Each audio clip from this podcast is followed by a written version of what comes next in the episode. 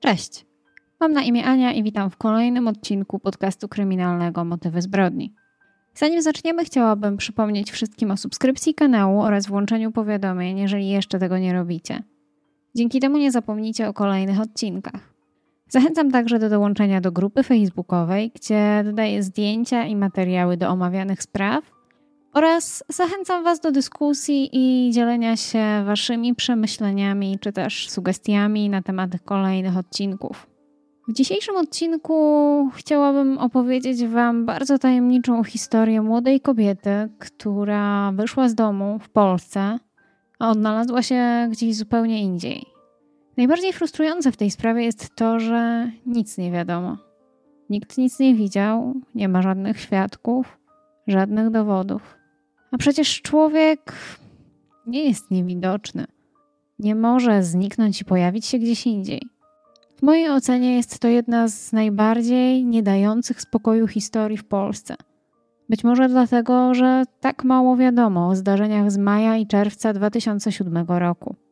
Przeniesiemy się teraz do południowo-wschodniej części Polski, do województwa podkarpackiego, a dokładnie do niewielkiej miejscowości Chyrowa. Jest to wieś położona w gminie Dukla w powiecie krośnieńskim i leży bardzo blisko granicy ze Słowacją. W Chyrowej mieszka zaledwie 120 osób. Jest to naprawdę niewielka wieś, przez którą przebiega droga asfaltowa. Jest tam kilka pensjonatów oraz kościół. To właśnie w Chyrowej w 2007 roku wraz z rodzicami Krystyną i Władysławem mieszka Anna Stanosz. Młoda kobieta ma 25 lub 26 lat, tutaj źródła są troszeczkę rozbieżne. I w miejscowości, w której mieszka, nie ma zbyt wielkich perspektyw na życie czy choćby znalezienie sobie pracy. W rodzinnym domu poza Anną, jej rodzicami, mieszka także jej brat i siostra Agata. Ania niedawno ukończyła szkołę pomaturalną, studium turystyczne i od jakiegoś czasu szuka sobie stałego zatrudnienia, najchętniej związanego z turystyką. Miała nadzieję, że ukończenie tej dodatkowej szkoły pomaturalnej trochę jej w tym pomoże. Rodzice Ani posiadali niewielkie gospodarstwo rolne, więc dopóki kobieta nie miała pracy, pomagała im je prowadzić. Ania była bardzo spokojną dziewczyną, opisują ją wręcz jako grzeczną i pobożną. Jednak była też bardzo ufna. Czasami aż zbyt ufna i dochodziło do tego, że była super łatwowierna. Mieszkańcy Chyrowej mówili, że to dobra i wrażliwa młoda kobieta. Dziewczyna była też bardzo utalentowana. Pięknie rysowała i malowała, a także udało jej się napisać książkę, która niestety nigdy nie została wydana. Jeszcze przed maturą Ania spędziła kilka miesięcy we Włoszech, gdzie podjęła pracę sezonową. Część źródeł mówi o tym, że opiekowała się jakąś chorą kobietą. Nie wiadomo właściwie, czy Ania znała język włoski, ponieważ jest to możliwe, aby pojechać do jakiegoś kraju i być tam przez miesiąc, dwa bądź trzy, nie znając danego języka, tym bardziej jeżeli pracowała w środowisku innych Polaków. Natomiast e, no, nie udało mi się znaleźć takich informacji, czy Ania się tego języka włoskiego uczyła, czy być może nauczyła się trochę w trakcie tego krótkiego pobytu we Włoszech, więc tego nie wiemy. Po wakacjach Ania wróciła do Polski, ponieważ musiała kontynuować naukę i później już nie wyjeżdżała za granicę. Po ukończeniu szkoły w Krośnie Ania pracowała dorywczo, czasem przy wyciągu narciarskim w okolicy. Pracowała też trochę u sióstr zakonnych w Polanicy Zdroju jako pomoc kuchenna, ale najbardziej chciała znaleźć sobie coś na dłużej, żeby móc odłożyć jakieś pieniądze i kontynuować swoją edukację na studiach w Łodzi. Jeżeli chodzi o taką sytuację w życiu prywatnym Ani, to tutaj ponownie mamy bardzo rozbieżne informacje, ponieważ jedne źródła mówią o tym, że Ania była sama, z nikim się nie spotykała i że miała w swoim życiu kilka krótkich związków, ale nie miała poważnego chłopaka. Natomiast inne źródła mówią o tym, że Ania się z kimś spotykała i że nawet planowała ślub. 20 maja 2007 roku do Ani i jej rodziców i oczywiście jej rodzeństwa w odwiedziny przyjeżdża ich rodzina. Kuzyni mówią mimochodem młodej kobiecie, że niedaleko w Krośnie w firmie zajmującej się produkcją części samochodowych szukają pracowników. Ania pomyślała, że złoży tam podanie, zaniesie tam swoje CV i być może uda jej się dostać tam na stałe, co pozwoli jej na jakieś bardziej stałe źródło dochodu i pozwoli odłożyć jakieś pieniądze. Następnego dnia, 21 maja 2007 roku, około godziny 7.20, z Chyrowej odjeżdżał autobus do Krosna, którym Ania miała pojechać do miasta, aby złożyć tam swoje papiery w firmie Delphi. Kobieta zabrała ze sobą skórzaną czarną torebkę i to przygotowane podanie, które miała zawieźć do tej firmy. Tego ranka Ania ubrała czerwoną bluzkę, niebieski polar, brązowe spodnie i sportowe buty. I co się dzieje potem, kiedy Ania wychodzi z domu, nie do końca wiemy. Być może wsiadła do autobusu. Źródła w tej sprawie naprawdę nie są jednoznaczne. Możliwe jest też to, że Ania ktoś podwiózł. Ale kiedy nadszedł wieczór, jej rodzina zaczęła się martwić, ponieważ kobieta nie wróciła do domu. Nie wspominała nic, że zamierza zostać u kogoś na noc, dlatego jej nieobecność była niepokojąca. Rodzice postanowili rozpocząć poszukiwania swojej córki, kontaktując się z rodziną i znajomymi.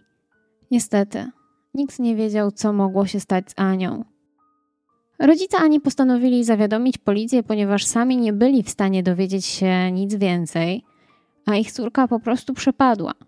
Poszukiwania z udziałem policji także nic nie dały i przez kolejny miesiąc rodzina Ani żyła w ogromnym stresie, nie wiedząc, co mogło się stać z ich córką.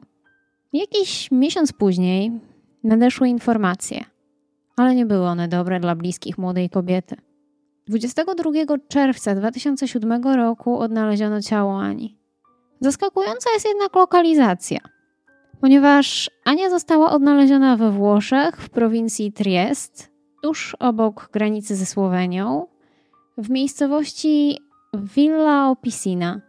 Wszystko wskazywało na to, że to nie był wypadek. Ciało odnaleziono w lesie, jakieś 50 metrów od drogi prowadzącej do miejscowości Fernetti. A tożsamość młodej kobiety została ustalona na podstawie rzeczy osobistych, które przy niej znaleziono, ponieważ nie było możliwości rozpoznania jej twarzy. Później jej tożsamość została także potwierdzona przez jej brata i ojca. Po odnalezieniu ciała cała włoska policja przeczesała okolice w poszukiwaniu jakichkolwiek śladów tego, co mogło się tam wydarzyć. Dziewczyna nie miała na sobie butów, nie było ich też nigdzie w okolicy, ani nigdy nie udało się ich znaleźć. Ubrana była jedynie w koszulkę i spodnie, a pod ubraniami nie miała bielizny.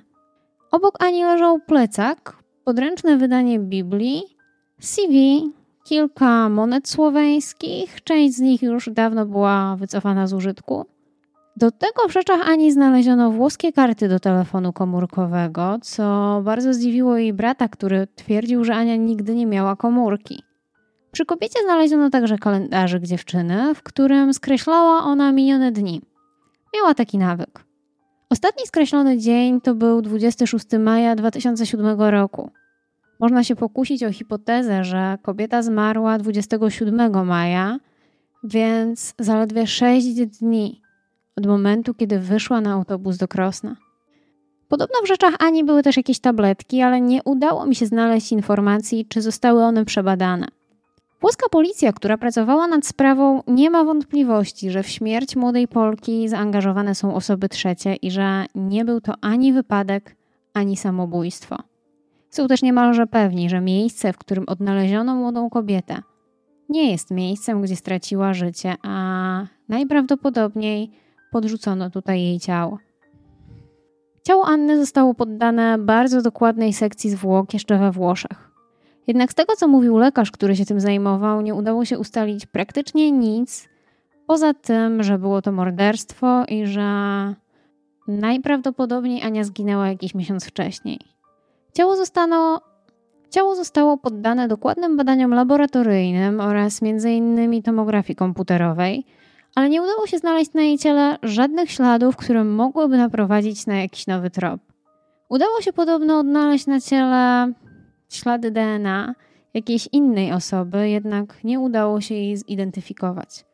Sekcja zwłok nie wykazała też jednoznacznie, czy Ania była pod wpływem alkoholu, narkotyków bądź innych środków odurzających. Udało się natomiast ustalić, że przed śmiercią Ania nie została zgwałcona. Wszelkie procedury związane z sekcją zwłok i śledztwem zajęły sporo czasu i w związku z tym włoska policja nie mogła odesłać ciała ani, ani do Polski szybko. Sekcja zwłok została wykonana dopiero po trzech miesiącach od znalezienia ciała dziewczyny. Podobno lekarz wcześniej nie miał czasu. Rodzina bardzo długo czekała na to, aby móc Anię pochować na cmentarzu w okolicy, gdzie będą mogli zapalić jej świeczkę. Dodatkowym utrudnieniem był fakt, że koszt przywiezienia ciała z Włoch to jakieś 15 tysięcy złotych. A rodzina Ani takimi pieniędzmi nie dysponowała. Rodzice Ani otrzymywali renty chorobowe w wysokości 1300 zł łącznie, a do tego spora część tego świadczenia szła na lekarstwa dla pana Stanisława, który chorował na miażdżycę nóg. Więc odłożenie pieniędzy na powrót ich córki do domu byłoby wręcz niemożliwe. Na ten cel została utworzona zbiórka. Fakt, że włoska policja bardzo długo nie chciała zwrócić ciała Polki, sprawił, że rodzina Ani została oskarżona o przywłaszczenie pieniędzy zebranych ze zbiórki. Jakiś życzliwy sąsiad zgłosił donos do prokuratury rejonowej w Krośnie, że państwo Stanoszowie pochowali córkę we Włoszech, a pieniądze roztrwonili. Jednak nie miało to nic wspólnego z prawdą, a pieniądze ze zbiórki leżały na osobnym koncie, w oczekiwaniu na zielone światło od włoskiej policji. A to trwało aż półtora roku. Największą zagadką tej sprawy jest przede wszystkim to, jak Anna Stanosz dostała się do Włoch i czy planowała ten wyjazd w tajemnicy przed swoją rodziną. Jej mama jest przekonana, że Ania nie zataiłaby przed nimi takich planów, ponieważ mieli dobre relacje i nie miałoby to zupełnie sensu. Pani Krystyna Stanosz twierdzi, że jej córka była bardzo dobrą i spokojną osobą, więc raczej nie szukałaby przygód ani problemów. Kobieta twierdzi, że Ania marzyła o pracy w turystyce, ale w Polsce, nie za granicą. A dodatkowo raczej nie zaufałaby obcemu człowiekowi i nie wsiadła tak po prostu do samochodu kogoś, kogo nie zna. Kobieta podejrzewa, że jeśli Ania pojechała tam z własnej woli, to raczej z kimś znajomym, z kimś, komu ufała. Siostra Ani, Agata, podejrzewa, że włoska policja dość opieszale podchodzi do śledztwa w sprawie śmierci jej siostry, ponieważ chcą coś zatuszować. Kobieta obawia się, że za zabójstwem może stać mafia. Pracownicy konsulatu nie chcą z nią o tym rozmawiać, a dziennikarka, która pisała na ten temat, przestała interesować się sprawą i poinformowała panią Agatę, że nie chce już ciągnąć tego tematu. Na jednym z forów internetowych udało mi się znaleźć wpis siostry Anny, która mówi o kilku ciekawych rzeczach, które nie są ujęte w artykułach na temat tej sprawy. Wśród rzeczy, które zostały oddane rodzinie Ani, pani Agata odnalazła numer telefonu oraz adres. Kobieta udała się z tym na policję, ale oni to zbagatelizowali. Adres prowadził do Wrocławia i policja zasugerowała, że to może być tylko znajomy Anny. Jednak jej siostra znała wszystkich jej znajomych i nie było wśród nich nikogo z Wrocławia. Oczywiście siostra nie musiała wiedzieć wszystkiego, nie zawsze dzielimy się wszystkimi informacjami z naszego życia z rodziną, więc Ania mogła mieć znajomych we Wrocławiu. Ale eksperyment, jaki przeprowadziła pani Agata, wskazuje na to, że faktycznie mógł to nie być znajomy Ani, a osoba w, jakiś sposób zamieszana w sprawę jej śmierci. Kobieta sama postanowiła zadzwonić na odnaleziony numer telefonu i zapytała mężczyznę, który odebrał telefon, czy załatwia pracę za granicą. Osoba po drugiej stronie powiedziała, że tak, ale chwilowo to nieaktualne i można zadzwonić za trzy miesiące. Kobieta napisała także, że tuż po śmierci jej siostry otrzymywała dziwne połączenia telefoniczne ze słoweńskiego numeru telefonu. Niestety, nic więcej na ten temat nie napisała. Podejrzewam także, że nie zostało to zbadane przez policję. Kobieta uważa, że jej siostra została uprowadzona przez Polaków, a biorąc pod uwagę fakt, że z ich miejsca zamieszkania do granicy było jakieś 15 kilometrów, to nie było większego problemu z przewiezieniem ani za granicę. Mimo iż minęło ponad 10 lat od tajemniczego zaginięcia i śmierci Anny Stanosz, nie wiadomo do dzisiaj, co stało się z młodą mieszkanką Chyrowej. Czy istnieje możliwość, że dziewczyna planowała wyjść z domu bez niczego? Jedynie z torebką i podaniem w sprawie pracy i zdecydowała się w międzyczasie na wyjazd do Włoch. Wydaje mi się to mało realne, że nie powiedziałaby o tym swoim bliskim, nie wróciłaby do domu, aby się spakować. Nie zdarza się raczej, że wychodzimy z domu na chwilę i lądujemy za granicą, bo akurat po drodze trafiła się świetna oferta pracy. Przynajmniej ja nigdy o czymś takim nie słyszałam. Interesujące jest także to, czy Ania pojawiła się w firmie, w której ma złożyć podanie, bo może tam coś się wydarzyło. Ale informacji na temat tego, czy kobieta się tam pojawiła, czy nie, także nie udało mi się znaleźć. Wiele osób twierdzi, że to kuzyni Ani mogą, mogli ją wystawić komuś, kto handlował ludźmi. Najbardziej prawdopodobną teorią w tej historii wydaje się możliwość uprowadzenia kobiety i wywiezienia jej za granicę bez jej wiedzy i zgody. Być może odurzając ją czymś, bo nawet jeśli ktoś ze znajomych by jej zaproponował pracę, to czy nie pozwoliłby jej chociaż spakować swoich rzeczy i pożegnać się z rodziną? Nie do końca mi to pasuje, ale nie można wykluczać żadnej możliwości, jeśli chodzi o tę sprawę. Śmierć młodej Polki bardzo poruszyła też mieszkańców Triestu. Chętnie dołożyli się oni do zbiórki na sprowadzenie ciała Ani do Polski i do dziś pamiętają te nieprzyjemne zdarzenia. Jestem bardzo ciekawa, czy kiedyś się dowiemy, co się wydarzyło w maju 2007 roku i jak Anna Stanosz znalazła się prawie tysiąc kilometrów dalej, wychodząc z domu na autobus do pobliskiego miasta. Czy kiedyś dowiemy się, kto stoi za śmiercią młodej Polki, która miała przed sobą całe życie i czy zagadka jej śmierci zostanie kiedykolwiek rozwiązana? Dziękuję za wysłuchanie tej niezwykle tajemniczej historii. Dajcie znać, co wy myślicie na temat tej sprawy może ktoś z Was pochodzi z okolic, gdzie mieszkała Ania, a może ktoś z Was pochodzi z okolic Triestu i może pamiętacie coś z czasów tej sprawy. Dbajcie o siebie, kochani. Do usłyszenia. Cześć.